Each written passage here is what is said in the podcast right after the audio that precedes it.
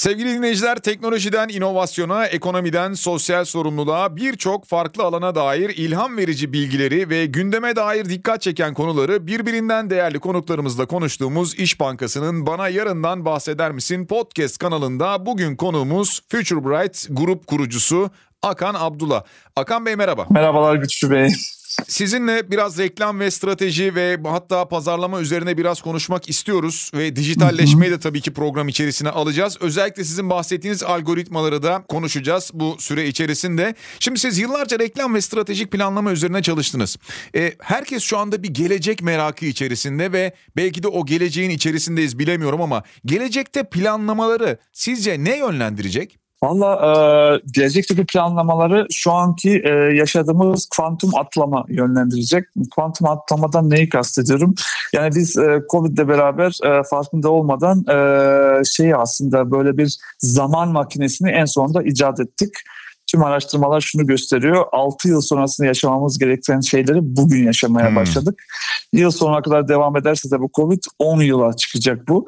Dolayısıyla çok e, dijital dönüşüm dediğimiz şey e, gelecek e, dönemi çok ciddi şekilde etkileyecek. Çünkü 10 yıl sonra yaşamamız gerekenleri bugünden yaşadığımız bir e, dünyada buna e, hazırlıksız yakalandık güçlü, e, güçlü Bey. Dolayısıyla bu anlamda e, gelecek yıllarda hızlı bir adaptasyon süreciyle e, uğraşacağız. Ama e, bu geleceği daha anlamlandırmaya, bu anlamda neler değiştiği, neler değiştiğinin e, tüketici tarafında anlamaya çalışacağız ve hızlı bir şekilde adapte olmaya çalışacağız en özetle. Yani gelecekte buna dair baktığımızda pazarlama ve reklam dünyasını neler bekliyor? Gerçi şu anda biz karşımızda birçok ekrandan sürekli bir e, reklam dünyası içerisindeyiz. Yani eskiden karşımızda bir tek televizyon vardı ama şimdi ekranlar arttı. Buradan mı ilerleyecek gelecekte pazarlama ve reklam dünyası ne dersiniz? Valla şöyle söyleyeyim e, bir kere e, hayatımızın e, bir bireyin hayatının yüzde kırkı şu anda veriye dönüşüyor gibi görünüyor. Yani şöyle düşünün biz gününüzün yüzde kırkı artık veri halinde. Ama şimdi Covid ile birlikte özellikle evlere kapandık ve e, dijital çözümler vesaireler bizim için bir ban damarı haline geldi. Çünkü onunla hayata bağlanıyoruz ve daha çok vakit geçiriyoruz. Bu da ne demek? Daha çok data bırakıyoruz. Daha çok işlenecek data var. Ee, dolayısıyla hayatımızın %40'ının aslında veriye döndüğü bir dünyadan yavaş yavaş gelecek 10 yılda %60'a kadar gidecek. Ve hatta şöyle bir bilgi vereyim. 8 milyar insanın neredeyse 3,5 milyarı şu anda zaten gözlem ekonomisinin parçası halinde. Dolayısıyla dijital algoritmalar zaten 3,5 milyar insanın her gün hayatını takip ediyor ve bunu bir dataya dönüştürüyor gibi görünüyor. Dolayısıyla bir reklamcılık, pazarlama vesaire dünyasının o geleneksel taraflarından çok fazla data taraflarına ve bu data tara- datanın özellikle işlenme tarafına çünkü inanılmaz bir data e, oluşuyor. Hatta her gün 2,5 exabyte'tan fazla veri bırakacağız bu makinelere ve bu makineler şu anda bu, bu datayı işleyecek bir teknoloji dahi değiller. Daha e, geliştirilmiş teknolojiye ihtiyacımız var. Bu da şu demek e, gelecekte biz e, reklamda pazarlamadan çok bu verileri nasıl işleyeceğiz? Kurumlar, İş Bankası gibi kurumlar aslında biz bu veriyi nasıl işleyeceğiz? Elimizde devasa bir veri var. Bu veri işleyecek daha gelişmiş teknolojiler var mıdır sorusunu soracaklar ve buralara yatırım yapacaklar. Dolayısıyla o bildiğimiz geleneksel reklamcılık, pazarlama dünyaları e, maalesef değişecek gibi görünüyor. Peki siz bunu anlatırken bir yandan şunu da düşündüm. Dijital gözetim de artıyor. Dolayısıyla insanların üzerindeki bir yandan bundan da kaçmaya çalışıyoruz ama herhalde bundan pek kaçış yolu olmayacak gibi öyle mi? Ya valla e, şöyle söyleyeyim e, kaçmaya çalışmaya devam ediyor olmamız gerekiyor. Ben bununla ilgili en son yazdığım kitapta e, yani tam da bunu savundum açıkçası. Çünkü bu işin bir de güçlü bey sadece pazarlama tarafı yok. Bu işin insan hakları tarafı var ve kaçama, kaçamıyoruz. Korkunç bir şekilde kaçamıyoruz. Aşırı derecede yönlendiriliyoruz ve bu teknolojilerin tek bir görevi var. Aslında bu data işleme teknolojilerin tek bir görevi var. Bizi öngörülebilir hale getirmek. Yani e, eskiden öngörülebilir hale getirmek için bıraktığımız izler üzerinden bizi böyle bir klasifiye etme, anlamaya çalışıyorlardı teknolojiler. Ama şimdi başka bir seviyeye geçtiler ve e, bizi tahmin etmeye e, vakit harcamak istemiyorlar şu mantıkta çalışıyorlar. O kadar yönlendirelim ki zaten öngörülebilir olsunlar. Kaçarı hmm. olmasın bu işin. Dolayısıyla aşırı derece yönlendiriliyoruz ve ben şey yankı odaları kavramından bahsediyorum. Çünkü şu prensip üzerine çalışıyorlar. Örnek vereceğim bir sosyal medyaya biz e, e, şeyimizi açıyoruz, hesabımızı açıyoruz. Ben gençlere de soruyorum. Diyorum ki sosyal medyadan niye hesap açtınız? Özgür olalım diyorlar. Özgür olmak evet. istedik. E, ben de e, sizin gibi tepki veriyorum. Gülüyorum açıkçası. Çünkü e, sosyal mecralarda her şey olabilirsiniz Güçlü Bey ama özgür çok zor olursunuz. Çünkü sosyal mecraların arkasındaki algoritmaların mantığı şöyle çalışıyor. Önce sizin yüz arkadaşınız olabilir o mecrada hı hı. ama e, sosyal mecra bir dönemsi böyle bir iz bırakıncaya kadar böyle bir size izin verebilir özgür olabilirsiniz. Yeterince iz bıraktıktan sonra o arkadaki algoritma sizi klasifiye ettiği zaman, endekslediği zaman e, kim size en çok benziyorsa, kim sizinle aynı fikirdeyse arkadaşlarınızdan sadece onları göstermeye başlıyor. Yani 100 arkadaşınız olabilir ama siz 100 arkadaşınızın içeriğini asla görmeyeceksiniz. Sadece bu algoritmanın seçeceği 20 kişi atıyorum şu anda. 20 kişi onların içinde sana benziyorsa o 20 kişiyi alacak ve onların içeriklerini size sürekli gösterecek. Peki niye bunu yapıyor? Çünkü bu algoritmalar bir beyin zaafımızdan çok farkındalar Güçlü Bey. O da şu beyin zaafı. Biz kendimizle benzerlerle bir araya geldiğimizde mutlu oluyoruz. Mutlu olduğumuz zaman daha çok tüketiyoruz. Doğru. Tüketimi sadece ürün tüketimi olarak düşünmeyin. İçerik tüketimi de böyle bir şey. O zaman da algoritma diyor ki ben niye e, onu mutsuz edeyim ki? Ben niye onun hayatın hayatın gerçekleriyle yüzleştireyim ki? Alayım şu 15 kişiyi sürekli bunları bir odaya kapatayım. Bunlar birbirleriyle benzeye benzeye hep aynı şeyleri söylesinler aynı şeyleri düşünsünler. Bu e, odaya bu odanın ismi de yankı odası e, ismi bunun. Çünkü e, bir zaman sonra sadece kendi sesiniz yankılanıyor ve hiçbir şey duymaz hale geliyorsunuz. Peki buradan çıkan problem nedir? Hayatın gerçeklerinden kopuyorsunuz. E, hayatın gerçek kendinizden farklı olan insanlarla bir araya gelmiyorsunuz. Bu da en basit haliyle aslında duygusal zekanızın çok ciddi şekilde kör, körleşmesi. Çünkü insanlar sosyalleşerek öğreniyorlar. Ben e, benden farklı düşünenlerle bir araya geldiğimde bir şey öğreniyorum. Aksi takdirde herkes benim gibi düşünüyorsa, benim gibi hissediyorsa benim o, o odadan artık alabileceğim bir şey yok. Orada gelişim olmaz. Dolayısıyla şeye baktığımızda, bu sisteme baktığımızda, bu data e, dünyasına baktığımızda maalesef bu algoritmik dünyanın içine düştük. Bu algoritmik dünya pazarlamayı da reklamcılığı da derinden etkiliyor. Ama insan olma özelliklerimizi de bizden çalacak gibi de görünüyor. Buna karşı tabii ki bir duruş sergilemek gerekecek. Ben bu anlamda gelecekte birazcık e, aktivizm bekliyorum. Hatta kitabımda şunu da anlatmıştım. Bu artık bir insan e, hakları meselesi. Dolayısıyla insan hakları beyannamesinin dijital versiyonunu dünya konuşmak zorunda kalacak. Çünkü nereye kadar e, hayatınızı bir makineye teslim edersiniz? Nereye kadar sizi yönlendirmesine izin verirsiniz? Hatta bin yıllık bir soru yeniden masaya geliyor. Özgür irade sorusu. Hmm. Bir makine, bir algoritma beni bu kadar yönlendiriyorsa so, e, aldığım kararlardan, sergilediğim davranışlardan ben sorumlu muyum sorusu ortaya çıkıyor. Ve hatta bugün iyi insan olma sistemlerinin tümünün bazında özgür irade var. Özgür iraden var onun için iyi olmak zorundasın. İyi olma sorumluluğun var.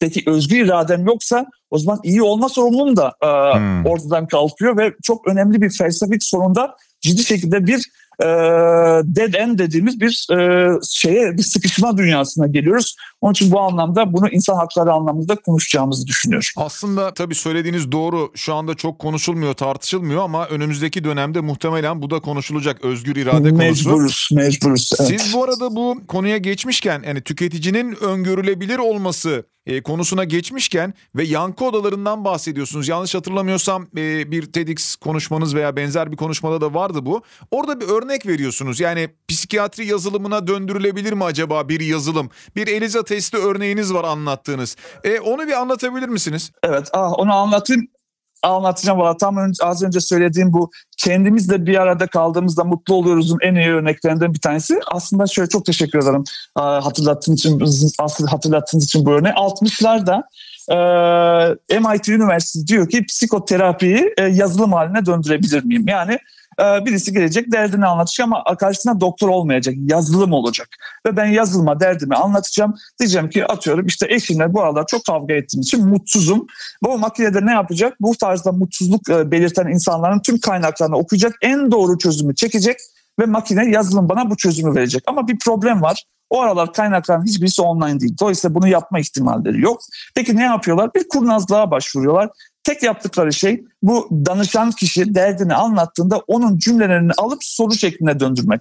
çok komik. Yani ben dedim ya az önce eşimle kavga ettiğim için mutsuzum. Makinenin tek yaptığı şey akan eşinle kavga ettiğin için mi mutsuzsun diye benim söylediğimi soru şekline döndürmek. Yani beni bana yansıtmak yüzlerce hastayla e, bu testi hasta demeyeyim danışanla bu testi yapıyorlar. Yüzde 90'ında iyileşme var Güçlü Bey. Çünkü hmm. insanın böyle böyle bir beyin zaafı var maalesef. Hmm. Biz kendimizle böyle kendimize benzerlerle, kendimizi dinlediğimiz yerde kendimizle benzerlerle bir arada olduğumuzda ya da bize biz yansıtıldığında maalesef mutlu oluyoruz. Bu arada bunun da bu kavramın altında bir adı da var. Hipernormalleşme deniliyor e, Güçlü Bey buna. Neye hipernormalleşme? O kadar o odalarda kaybolduk ki o kadar bize benzerlerle ve aynı fikirde olan insanlarla aynı odalara sıkıştık ki normalin standardı olarak kendimizi görmeye başladık. Yani böyle e, normal kimdir? Normal akandır. E, o zaman akana benzeyen de herkes normaldir. Bakın normaldi hiper normal oldu. E o zaman bize benzemeyenler nedir? Onların hiçbirisi normal değildir. Onların hepsi deviyasyondur. O zaman ne yapalım? Linç edelim, kızalım, ağır konuşalım. Onun için bu aralar sosyal mecralara baktığımızda çok ağır linçler, çok şey çünkü neden? Özellikle evlere kapandık.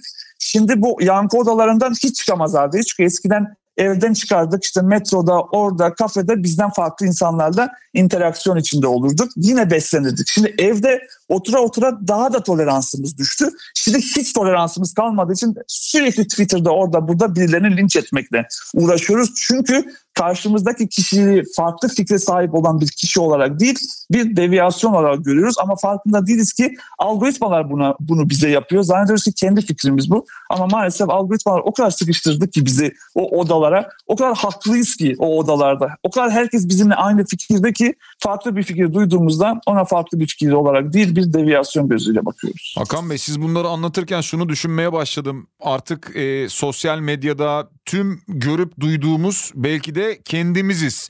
Yani bir anlamda onu hissetmeye başladım şimdi. Evet maalesef Gülçü Bey tam da öyle ee, ve bu arada e, bilmiyorum ben kendimden örnek e, vereceğim. Annem babam mesela arada sırada bazı şeyler paylaşıyorlar. Böyle. Onlar mesela biliyorsunuz ayrıştık. Facebook'ta anne artık anneler babalar evet. Insta, Instagram'da bizler işte şeyler böyle ayrıştık. Mesela orada Facebook'ta şimdi bambaşka bir dünya dönüyor Güçlü Bey. Arada sırada bana da paylaşıyorlar. Orada kendi dünyalarında konuştukları şeyleri. Öyle şeylere inanıyorlar ki diyorum ki annem babam yani siz buna nasıl inandınız? Yani çok absürt. Gerçekten gram mantık yok. Ama şöyle bir e, e, şey geçerli. Bu odaların içinde aynı e, e, inançlara sahip insanlar ama aynı zamanda aynı korkulara sahip insanlar. Dolayısıyla onlardan bir tanesi küçük bir şeyden korkarsa o korku saniyesinde pandemiye dönüşüyor. Çünkü bu insanlar aynı şekilde düşündükleri için birbiriyle bir şey paylaştıklarında çok hızlı inanabiliyorlar ve çok hızlı bir şekilde diğer tarafa atabiliyorlar. Ve burada ben bu arada algoritmaları ve bu sosyal mecraların sahiplerinde bir sahip olan şirketlerinden sorumluluk bekliyorum. Çünkü bu, bu oda, bizi bu odalara kapattıkça pandemi şeklinde e, yalan bilgi, post-truth yayılmaya devam edecek bu anlamda. Ve e, bundan birileri para kazanıyor. Bakın biz bunun kurbanı olabiliriz ama bunun karşısındaki şirket devasa bir para kazanıyor. Dolayısıyla biz birilerini linç etmeye başladığımızda o şirketin sorumluluğu bir kaçış butonu oluşturmak, bir güvenlik alanı sağlamak hiçbir şey sağlamıyorlar. Yani bir insanın itibarını e, sıfırlayabilir bir sistem. Yanlışlıkla kendimden örnek vereceğim. Sıfırlayabilir ama e, arkadaki para kazanan şeyin sistemin hiçbir sorumluluğu yok.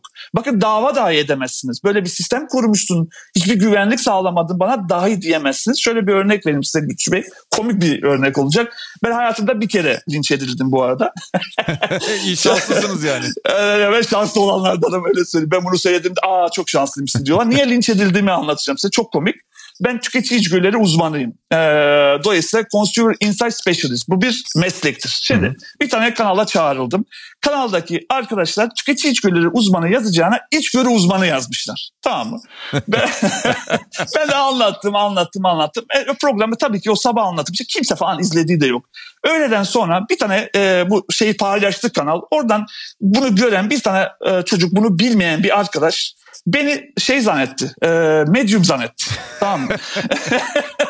e, aldı e, dedi ki e, bu kanallar buraya kadar mı düştüler? Medium'ları çağırdı falan. Oradan bir başladı. oh geliyorlar tamam mı? Geliyorlar sürekli bir yorum. Yani ben böyle yaratıcı küfürler hayatımda görmedim. Tamam Kötü tabii ama gülüyoruz ama. Kötü gülüyoruz ama e, e, şöyle söyleyeyim bir buton yok. Yani anlatmaya çalışıyorum sesim duyulmuyor. Yani ben tüketici içgörüleri uzmanıyım. Ben data okuyorum. Medium değilim. Kalp sesimi dinlemiyorum. Tek şans o dönemden kalan tek pozitif şey ee, Instagram'da 300'e yakın medyum hala takip ediyor beni. Ee, bir tek o, o dönemde şimdi, şimdi böyle bir şey benim başıma geldiğinde ben kime soracağım bunu? Yani bunun bir güvenlik butonu yok mudur? Doğru. Bu sistemden para kazanan bir devasa şirket var orada. Hiçbir şey sorumluluğu yok. İşte ben şanslı olanlardanım ama bakın Amerika'da bu işler e, liseli öğrencilerde intiharlara kadar gidebiliyor. Dolayısıyla orada bullying dediğimiz bir dünya var. Yani bayağı baskıcı bir jenerasyon var. Bu anlamda bu sistemlerin bir güvenlik e, şeyi e, subabı oluşturmaları gerekiyor. Yok, hiçbir sorumlulukları da yok. Buna karşı ben birazcık sorgulayacağım. Yani bir şeyler yapılması gerekiyor. Para kazanan sorumluluk almak zorundadır. Buradan para kazanıyorsun arkadaş. Burada bir güvenlik subabın olmayacak mı? Aynı zamanda ben tekrar tüketicinin öngörülebilir olması konusuna geri dönerek aslında insan davranışları ile ilgili bir şey sormak istiyorum. Siz Yugoslavya doğumlusunuz. Evet. Ee, ve öngörülemeyenler kitabınızda bunları da anlatıyorsunuz. Orada önce aslında e, sizin doğum hikayeniz komünizmle beraber başlıyor. Komünist Ama, olarak doğdum güçlü yani. yani. Evet öyle başlıyor ve ardından da sürekli bir beklenti ve ümit içerisinde geçiyor hayat anladığım kadarıyla. Yani mesela özgürlük beklentisi var içinizde ama sonrasından gelen işte iç savaşlar gibi. Biraz o süreci anlatabilir misiniz? Yani o süreçte hep bir beklenti şu anda da herkesin hayatında bir beklenti var ama aslında hepsi planlı daha sonradan karşımıza çıkan farklı şeyler oluyor. Aslında Güçlü Bey ben o kitabımda bir uyanıştan bahsetmek istedim. Ben çünkü e, Yugoslavya'da doğdum. Şimdi olmayan bir ülkenin e, evladıyım açıkçası. E, ve bu ülke yok oldu gitti. Evet. Aslında biz bu ben komünist olarak doğdum. Çünkü sistem komünisti. Hı hı. Dolayısıyla zaten doğan da komünist. Doğru. Şimdi bu, bu rejimde e, şöyle düşünebilirsiniz. Her devlet her şeyin sahibiydi. Biz hiçbir şeyin sahibi olamaz. Yani dolayısıyla devlet e, okuyacağınız okulu belirlerdi, mesleğinizi belirlerdi. 25 yıllık stajdan sonra evinizi verirdi. E, tek çamaşır makinesi vardı, tek araba markası vardı. Çünkü kolektif bir e, kültürden bahsediyoruz ve ayrışmamızı istemiyordu bu anlamda vatandaşlar olarak. Şimdi ama tabii ki bunun getirdiği böyle her şeyin öngörülmüş, her şeyin planlanmış bir dünya vardı ve biz e, belirsizlik için ölüyordu güçlü, Bey. Belirsizlik o kadar değerli bir şey ki yani şimdi herkes böyle belirsizliklerden çok şikayet ediyor. Bu arada şey tabii ki biraz belirsizlikler çok fazla Türkiye'de ama bu anlamda hiç belirsizlik olmaması çok daha kötü. Hayatınızın tümünün planlanmış olması, adım adımına her şeyiniz öngörülebilir olmuş olması yani bir taraftan sizin o insani e, içinizdeki o duygusal zekanızı çok körelten şeylerden bir tanesi ve ben sürekli böyle nasıl daha e, kendi kaderimi çizebileceğim bir dünyanın peşinde koşuyordum. Hepimiz bu arada bir şey olmasını bekliyorduk. Zaten o olgu da Berlin duvarıyla geldi. Berlin duvarı yıkılınca Sovyetler Birliği Almanya'ya müdahale edilmeyince zaten o, o sistem o tamamıyla yıkıldı ve biz özgürlük gelecek zannettik. Özgürlük gelmedi. Yugoslavya'ya maalesef iç savaşlar geldi. Şimdi bunu niye anlatıyorum? E, çünkü e, şunu farkına vardım ki e, bizim yaşadığımız o her şeyin planlandığı, neye inanmam, neyi söylemem, nasıl okumam, nerede yaşamam, nasıl bir kariyere sahip olmam gerektiği bir dünyayla bugünün algoritmik dünyası arasında çok paralellik var. Çok. O o zaman bunu bir rejimle yapılıyor yapılıyorlardı. Mesela öyle çok severdik komünist rejimler böyle steplerde hiçbir şeyin olmadığı dünyada devasa binalar yaparlardı. Hmm, evet. Bu devasa semboller Doğru. artık yok. Dijital dünya bunu çok daha zekice yapıyor ama aynısını yapıyor. Benim bu kadar hayatımı %40'ını dataya dönüştürmüş olan bu sistem yani %60'a döndürdüğünde ve benim ne yiyeceğimi, nasıl yiyeceğimi, ne alacağımı, kimle konuşacağımı, neye inanacağımı bu denli yönlendiren bir sistemle benim geldiğim sistem arasında maalesef aşırı derece paralellikler ve benzerlikler var ve bu sistem o sistemden çok daha zeki böyle devasa sembollere de ihtiyacı yok çok rahatlıkla davranışlarınızı değiştiriyor. Farkına dahi varmıyorsunuz. Yani bu genel olarak zaten hayatımıza yansıyan bir şey. Yani bu sizin aslında kitabınızda e, sizin hayat hikayeniz değil aslında ortaya koyduğunuz e, biraz önce de bahsettiğiniz konular var burada. Aynen aynen beni örnek alın. Yani ben e, demeye çalıştım kitapta. Ben bunun bir sistem kurbanı gibi hissediyordum kendimi. E, şimdiki jenerasyon bu sistemin kurbanı olduğunu farkında bile değil. Biz sembollerden en azından farkına varıyorduk başımıza gelenin. Yeni bir dünyada ise bu algoritmik dünya davranışınızı değiştiriyor farkına bile varmıyorsunuz. Bir örnek vereyim mi? Mesela algoritmik dünya ile akademinin ilişkisini anlatmak istiyorum. Akademi önemlidir Çünkü dünyadaki sürekli gelişimin merkezidir akademi. Yani doktora tezleri niçin yazılır? İnsanlık sürekli gelişsin diye yazılır. Şimdi böyle bir dünyada son 20 yılda şeyleri incelemişler Güçlü Bey. Ee, doktora tezlerinin kullandığı kaynakları incelemişler. Her yıl kaynaklar daha çok benzeşmiş. Yani arka tarafta bir algoritma bu e, hocalar bir kaynak ararken hep aynı şeyleri göstermeye başlamış. Bu ne demek biliyor musunuz? Arka, arka tarafta bir algoritma hepimize aynı kaynaktan beslemeye başlarsa insanlığın gelişimi durur. E bu ne demek? Bu aynı şekilde düşünen, probleme aynı şekilde çözüm getirmeye çalışan çok monolitik bir düşünme şekli. Yani sadece tek yönden bakmak. Biz akademimizi bile algoritmalar tek yönden baktırıyorsa bir probleme e benim geldiğim rejimden ne farkı var ki? Yani sadece farkında değiliz ama hep aynı ideolojik, aynı kaynaklar, aynı bilimsel şeylerden beslenirsek hepimiz aynı düşünmeye başlarız ki ben bunu bir aynalık ekonomisi kavramı altında birleştirdim. Ve bir zaman sonra bakarız ki yaratıcı olmamız gerekiyor. İnsanın en büyük şeyi zenginliği aslında duygusal zekası ve yaratıcılığı. Ama yaratıcılığımızı kölleştiren, hepimizi aynı formata getiren, aynı düşündüren bir sistem bir aynalık ekonomisinden insanların e, bir yarar görmesi, insanların duygusal zekasını bir ürüne döndürmesi, yaratıcılığını kullanması imkansız hale gelir. Bu da benim eski yaşadığım rejimden hiç farklı olmaz açıkçası. Evet e, şimdi aynılık ekonomisinden bahsedince şunu sormak istiyorum. Genel anlamda son dönemde e, özellikle pandemiyle beraber hayatımıza giren tüketici davranışlarını veya davranışsal ekonomiyi e, nasıl yorumlayabilirsiniz? Ya şöyle bir kere şimdi Covid ile beraber bazı şeyler hem kötüye gitti hem iyiye gitti. Her musibette bir hayır vardır deriz ya. Onun için biraz tüketici tarafını bir anlatayım. Bir kere biz e, bağışıklık şöyle söyleyeyim şuradan başlayayım. Türkiye böyle bir yeni bir kavram koydu ya Sağlık Bakanı böyle bilim kurulu kavramı. Şimdi bu arada tartışanlar var tartışmayanlar var ama önemli olan şu bilim kurulu kavramı Türkiye'de önemli bir problemi çözdü. Kavram olarak çözdü. Neyi çözdü onu söyleyeyim size. Biz e, Türkiye e, özellikle bu şeyden önce e, Covid'den önce aşıyı tartışır hale gelmişti hep bir, bir doğallık fantazisi aldı götürdü bizi. Böyle doğal doğal. Bu arada doğa önemlidir. Doğallık da önemlidir. Ancak unutmamak gerekiyor ki doğa tamamıyla yüzde yüz dostumuz da değildir.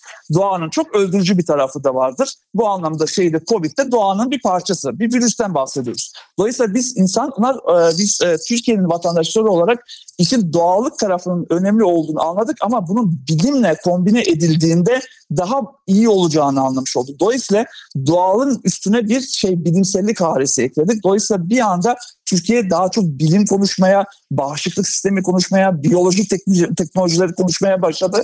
Bu açıdan yani bu e, şey e, bu musibetin bir hayırı oldu bize. İkinci hayırını söyleyeyim. Dijital tarafta bakın biz dijital dönüşüm dönüşüm diyoruz.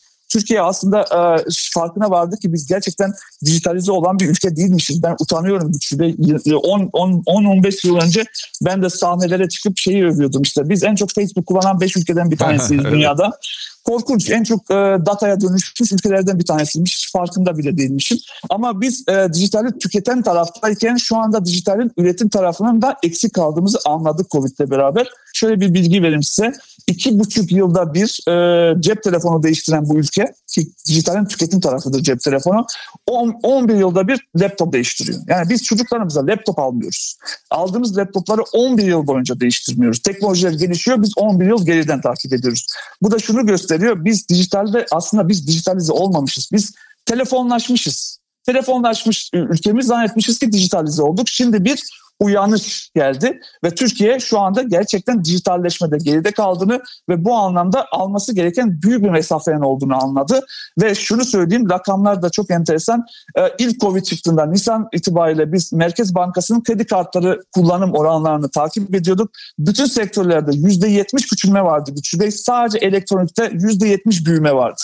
Çünkü uyandık, anladık ki çok kötü yakalandık bu Covid'e ve şu anda bu şey demek yeniden bu altyapıyı kurmaya çalışıyor aileler e, e-basıdır, çocuklara e, eğitimidir vesaire. Bu anlamda dijitalin birazcık daha üretim tarafına birazcık önem vereceğimizi düşünüyorum. Ben bunun da çok önemli olduğunu e, ve bu musibetten bu hayrı da gördüğümüzü açıkçası e, düşünüyorum. Dolayısıyla şey bu anlamda Covid evet berbat bir hastalık ama bazı konularda da bizi uyandırdı diye düşünüyorum. Pandemi dönemiyle beraber yine yanlış hatırlamıyorsam bir konuşmanızda vardı. Şimdi Türkiye'de de konuşuluyor ama dünya genelinde de konuşuluyor. Tedarik zincirlerinde de zaman zaman kırılmalar yaşanıyor ki otomotivde de bunu çok gördük karşımıza çıkıyor. Birçok üründe karşımıza çıkıyor. Bazı devletler ihracatlarını durdurdu. Evet, Bunlar da dolayısıyla evet. üretimi etkilemeye başladı. Yani bu, burada da hazırlıksızız. Vallahi daha kötüsünü göreceğiz. Güçlü Bey daha kötüsünü göreceğiz. Çünkü tedarik zincirlerinde şöyle bir matematik çalışır. Tedarik zincirleri çok kompleks formüllerdir ve dolayısıyla bir yıl önceden planlamasının bir yıl sonra sonucunu yaşarsınız. Biz aslında e, 2019'un planlamasının 2020'deki tedarik zincirini yaşadık. Ama 2020 yılındaki kırılmayı 2021 yılını da daha çok göreceğiz. Peki neden kırıldı bu tedarik zincirleri? Şöyle bir e, şey ihracattan bahsettiniz. Çok önemli bir yerden açtınız kapıyı. Oradan gireyim. Hı hı. Ben Nisan ayında geçen sene bir sene önce tam da bu Covid'in başladığı dönemde sunumlar yapmaya başladım ve şunu söyledim. E, bakın ilk e, etkilerden bir tanesi ayçiçek yağında göreceksiniz. Şimdi Türkiye He. yıkılıyor ayçiçek yağında. Çünkü ayçiçek yağı fiyatları ciddi şekilde arttı. Komik komik videolar yapıyoruz şu anda TikTok'larda oralarda buralarda ama gelin görün ki e, halk çok çekiyor ayçiçek yağı çünkü bizde şey e, ciddi bir e, ihtiyaç. Mesela şöyle söyleyeyim size araştırmalar yapıyoruz. E, şeyle ilgili zeytinyağı ile ilgili. Bakın Güçlü Bey araştırma yapıyoruz modere, modere ediyoruz. Ev hanımlarını çağırıyoruz. Sonra diyoruz ki size hediye edelim bu konuştuğunuz zeytinyağı. Ama ama benim kocam onu istemez. Bizde her şey ayçiçek yağıyla pişer der kadın. Yani çok değerli bir şeydir. Maalesef Evet. çok değerli bir şeydir ayçiçek yağı. Zeytinyağından daha değerlidir Türkiye'de. Niye bunu anlatıyorum? İşte Rusya aslında e, ayçiçek e, ihracatının %50'sini yapıyor dünyada. Ayçiçek yağı üreticileri ayçiçeğin %50'sini Rusya'dan alıyorlar. Aa, Rusya ne yaptı? İhracatı e, durdurdu Covid sırasında. Zaten ben bunu görünce döndüm ve dedim ki ilk patlayacak yerlerden bir tanesi ayçiçek yağı e, ihracatı ve tedarik zinciri. Şimdi bu tarzda sorunları maalesef e, çok e, kategoride göreceğiz. Şu anda mesela çiplerde görüyoruz. Bilgisayar üretiminde çip yok şu anda ve bunu bunu maalesef daha da çok yaşamaya başlayacağız. Çünkü tedarik zincirlerini oturtmak çok zordur ama o değişkenlerden çok küçüğünde bir kopma varsa bütün formül kırılır ve maalesef şu anda rakamlar şunu gösteriyor ki dünyadaki tedarik zincirlerinin %60'ında kopmalar var gibi görünüyor ve biz bunun etkisini 2021'lerin sonları 2022 yıllarında çokça maalesef hissetmeye başlayacağız. Ta ki yeni tedarik zincirleri kuruluncaya kadar ve o formül oturtuluncaya kadar. Onun için bu dönemde ben görüştüğüm markalara sürekli şunu söyledim. Ee, müşteriniz çok önemli ama bir şey daha önemli var ki e, e, bir şey daha e, önemli var ki o da tedarikçilerinizi korumak. Onun için bu dönemde tedarikçiyi korumak çok kritik. Peki bu noktada şunu soracağım. Tedarikçi önemli, e, bizim hayatımızda üretim kıymetli, değerli. E, Bir takım yeni şeyleri de keşfediyoruz ama sanki böyle pandemiyle beraber yerelleşme artar gibi bir hava vardı. Yani globalleşme yerine yerelleşme artar gibi bir hava vardı. Sizce bu hava devam ediyor. Ha, devam Bey. ediyor mu? Fena halde devam ediyor. İyi de ki devam ediyor. Bu arada şey sordunuz ya neler değişti. Bunu da keşke sayaydım. İyi ki hatırlattınız. Bu da önemli bence. Çünkü şöyle e, biz bir kere e, bizim için hepimiz için şey vardı. Böyle e, kurumlar var. Aslında dünyada bizi böyle şey gördüğümüz önemli kurumlar. Bunlardan bir tanesi Avrupa Birliği'ydi. Şimdi Avrupa Birliği ülkelerinin başına geleni önce bir gördük ve böyle bir şaşırdık yani. Biliyorsunuz önce böyle bir istihbarat örgütleri birbirlerinin maskelerini çaldılar. Bir şeyler oldu. Evet, sağlık evet. sistemleri yıkıldı. Bir anda anladık ki bizi böyle hayalimiz olan ülkeler böyle bir dağıldılar. Gerçi işte biz de çok fena dağıldık üçüncü pikle beraber ama şunu anlatmaya çalışıyorum. Bir anda biz aslında çok fazla tüketimde boğulduğumuzu, bu ülkenin kendisine yetmesinin çok önemli olduğunu, tarımının çok önemli olduğunu, e, e, Türkiye'nin e, bir anda böyle bir e, sürdürülebilirlik anlamında bir motivasyonun arttığını görüyoruz. Sürdürülebilirlik kavramı Türkiye'de global markalar ilk konuşmaya başlamışlardı yıllar önce. Biz buna baktığımızda aslında temelde Türkiye'nin sadece yüzde altısı sürdürülebilirliğe önem veriyordu. Şu anda bu oranın yüzde 48'e çıktığını görüyoruz. Bu açıdan çok değerli yerel üretim, kendi tarımımız, kendi çiftçimiz, kendi üretimimiz ve ülkemizin kendisine yetmesi kavramları çok önemli hale gelmiştir. Bu da aslında bu musibetin hayırlarından bir tanesidir. Gerçekten çünkü bu ülkenin tarımı, bu ülkenin toprağı, bu ülkenin suyu çok önemlidir ve bizim artık bunun farkına varmamız gerekiyordu ve farkına vardık. Hakan Bey, Future Bright e, grubun kurucusunuz. E, bu alanlarda çok çalışmanız olduğu için soracağım bunu size son olarak. Bu dönemde daha çok sanki ön plana çıktı Z kuşağı. Yani muhakkak konuşuluyordu üzerine ama gençlerin yani Z kuşağının davranışlarını herhalde gözlemleyebiliyoruz diye düşünüyorum. Bu doğru bir düşünce mi bilmiyorum ama peki bunun sonucuna göre hareket edebiliyor muyuz bunu merak ediyorum. Ya maalesef e, Z kuşağı en en büyük darbeyi onlar yediler. Yani ben kendi gençliğimi düşünüyorum. Onların şu anda yaşadığı gençliği düşünüyorum. Eve kapandılar, izoleler. Hatta biz kendi datamızda 3 haş, haş cephesi demiştik. Haz, hız ve his. E, gençleri genç yapan 3 tane haş var. 3 haşta da inanılmaz şeyler, kayıplar var. Gençler izole olmuş durumdalar. Gençler çok ciddi anksiyete e, içindeler. Gençler yetişkinliğe geç, geçme sürecini birazcık ötelemişler gibi görüyorlar. Sürekli böyle çocuk gibi de, çocuk fotoğrafları getiren, çocuklaştığını söyleyen gençlerle karşı karşıyayız. Bu anlamda e, bu jenerasyon birazcık bu anlamda şanssız bir jenerasyon. E, bir de e, şunu da bilmekte fayda var. Bir şeyleri çok öteledik Güçlü Bey. Çünkü hepimiz şu anda ya, hayatta kalma motivasyonundayız. Ama bu Covid bitecek ve biz bu motivasyondan çıkıp kendimizle yüzleştir, yüzleştiğimiz bir döneme gireceğiz. Asıl o yüzleştiğimiz dönemde birazcık bazı problemler yaşanacak Türkiye'de ve özellikle bunu gençlikte göreceğiz. Ama e, ne yapalım oldu ve o dönemlerde umarım ve o problemleri de atlayacağız ama Türkiye'nin psikolojik desteğe ihtiyacı olacak orası net. Evet yani bu üç aş dediniz. Yani e, haz, hız ve his aslında sadece şu anda Z kuşağının değil herhalde hiçbirimizin içinde kalmayan şeyler başlıklar oldu bunlar. Öyle ama gene bizim bir hatıralarımız var Evet, ya. Yani doğru. biz yaşadık Güçlü Bey ya. Yani biz genç biz 90'ları yaşadık ya. Biz en şanslı jenerasyon biziz herhalde yani. Şimdi bu çocuklar neyi yaşadılar? Yani bir taraftan ekonomik sorunlar, bir taraftan işsizlik, bir taraftan her türlü şey aile içi baskı onlara. Sanki sürekli onlar bir şey başaramıyormuş gibi. Bir de üzerine eve kapanma, bir de üzerine e, izolasyon. Yani bu bu gençlik bizden daha şanssız. Bunu kabul etmemiz gerekiyor. Muhakkak orası öyle. E, umarız daha güzel günleri göreceğiz. Dileğimiz Umarız. olsun. E, Future Bright e, grup kurucusu Akan Abdullah ile görüştük. Akan Bey çok teşekkürler sağ olun. Çok sağ olun. Çok teşekkür ederim davetiniz için.